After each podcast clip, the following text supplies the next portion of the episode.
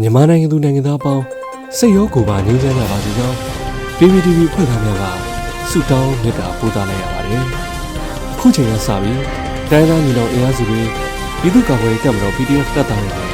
ပြည်သူလူထုရဲ့အချိန်ဟုန်မြင့်မားလာသောတိုက်ပွဲသတင်းတွေကိုစုစည်းတင်ဆက်ပေးသွားတော့မှာဖြစ်ပါတယ်။ကျွန်တော်ຫນွေဦးလင်းပါ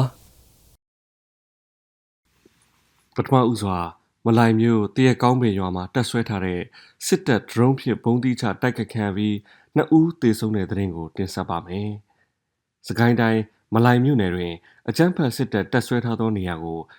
NPDF အဖွဲ့က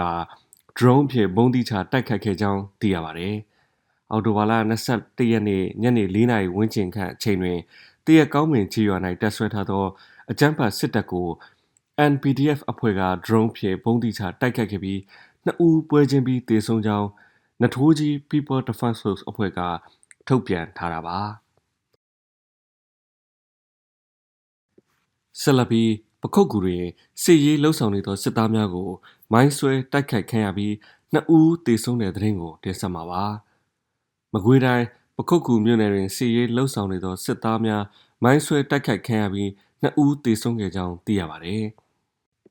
အော်တိုဘာလ23ရက်နေ့နနက်10:30မိနစ်တွင်ပခုတ်ကူမြို့ပတ်လမ်းနှင့်မြို့တစ်လမ်းစုံတွင်စီရေးလှုပ်ဆောင်နေတဲ့စစ်သားများကိုဒေသခံကာကွယ်တပ်ဖွဲ့များကရှေ့တော်မိုင်းနှလုံးဖြင့်ဖောက်ခွဲတိုက်ခတ်ခဲ့ပြီးစစ်သား2ဦးသေဆုံးကြောင်းသိရပါတယ်။နောက်ဆုံးအနေနဲ့ကော့ဂရစ်ခရိုင်ရဲစခန်းနဲ့ခလာရ69ကို drone ဖြင့်ပုံကျဲမှုစစ်သား3ဦးသေဆုံးတဲ့တဲ့ရင်ကိုဆက်လက်တင်ဆက်မှာပါ။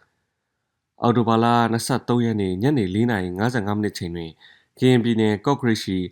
ခရိုင်ရဲစခန်းနဲ့ခလာရ69တပ်များကို drone ဖြင့်ပုံကျဲတိုက်ခိုက်ရာစစ်သား3ဦးသေဆုံးကြောင်း Lion Battalion Commando Special Force စစ်ကြောင်းကသတင်းထုတ်ပြန်ပါတယ်။မဟာမိတ် drone တပ်ပေါင်းစုများကတော့ကော့ဂရိတ်မြို့တွင်းရှိအကြမ်းဖက်စစ်ကောင်စီတပ်များတပ်ဆွဲထားသည့်ခရိုင်ရဲစခန်းနှင့်ခလာရ69တပ်များရှိရာသို့ drone ဖြင့်ဘုံကျဲတိုက်ခိုက်ခဲ့ရာ